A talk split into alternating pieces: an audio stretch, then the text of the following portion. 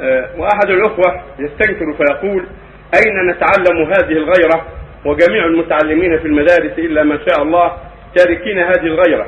وما رأي المسلمين وخاصة العلماء في الإعلانات الضخمة عن التدخين في الصحف السعودية وغيرها؟ وما رأي المشايخ في السكوت عن تكشف النساء الخوارج؟ هل نسكت على ذلك؟ هذا لا يوجب اليأس ولا ينبغي للعبد أن ييأس أو يدع الإنكار بحجة أنها لا كثر النبي صلى الله عليه وسلم أخبر عن الواجب في كل زمان ليس في زمانه فقط. فقال عليه الصلاة والسلام من رأى منكم منكرا فليغيره بيده فإن لم يستطع بلسانه فإن استطاع بقلبه وذلك أضعف الإيمان وهذا عام للقرن الرابع عشر والقرن الخامس عشر وما يأتي بعدها وما قبلها.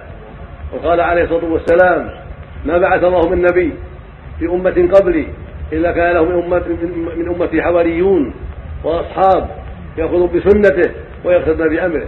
ثم إنها تخلو من بعد الخلوف يقولون ما لا يفعلون ويفعلون ما لا يؤمرون. فمن جاهدهم بيده فهو مؤمن ومن جاهدهم بلسانه فهو مؤمن ومن جاهدهم بقلبه فهو مؤمن وليس وراء ذلك من الإيمان حبة خردل.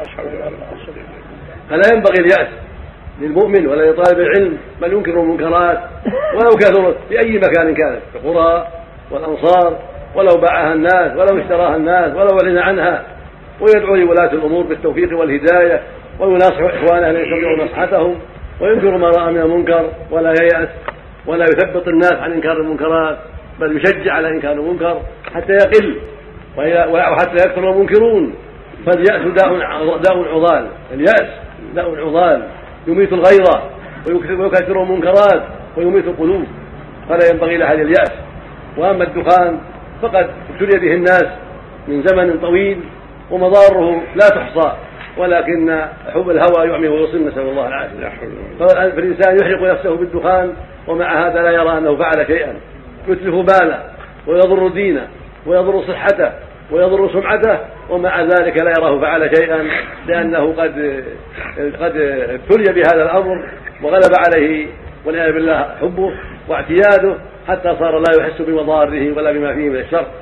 فالواجب إنكاره والعلماء لم يزالوا يناصحون ولاة الأمور في إزالة المنكرات وفي القضاء عليها وفي تأديب من يقوم بها ومن يفعلها ونسأل الله لهم الهداية والتوفيق وصلاح النية والعمل ونسأل الله العلماء الثبات على الحق والمزيد من الغيرة لله وإنكار المنكرات والمناصحة لولاة الأمور.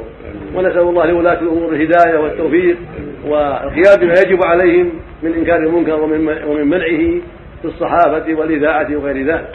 والله المستعان.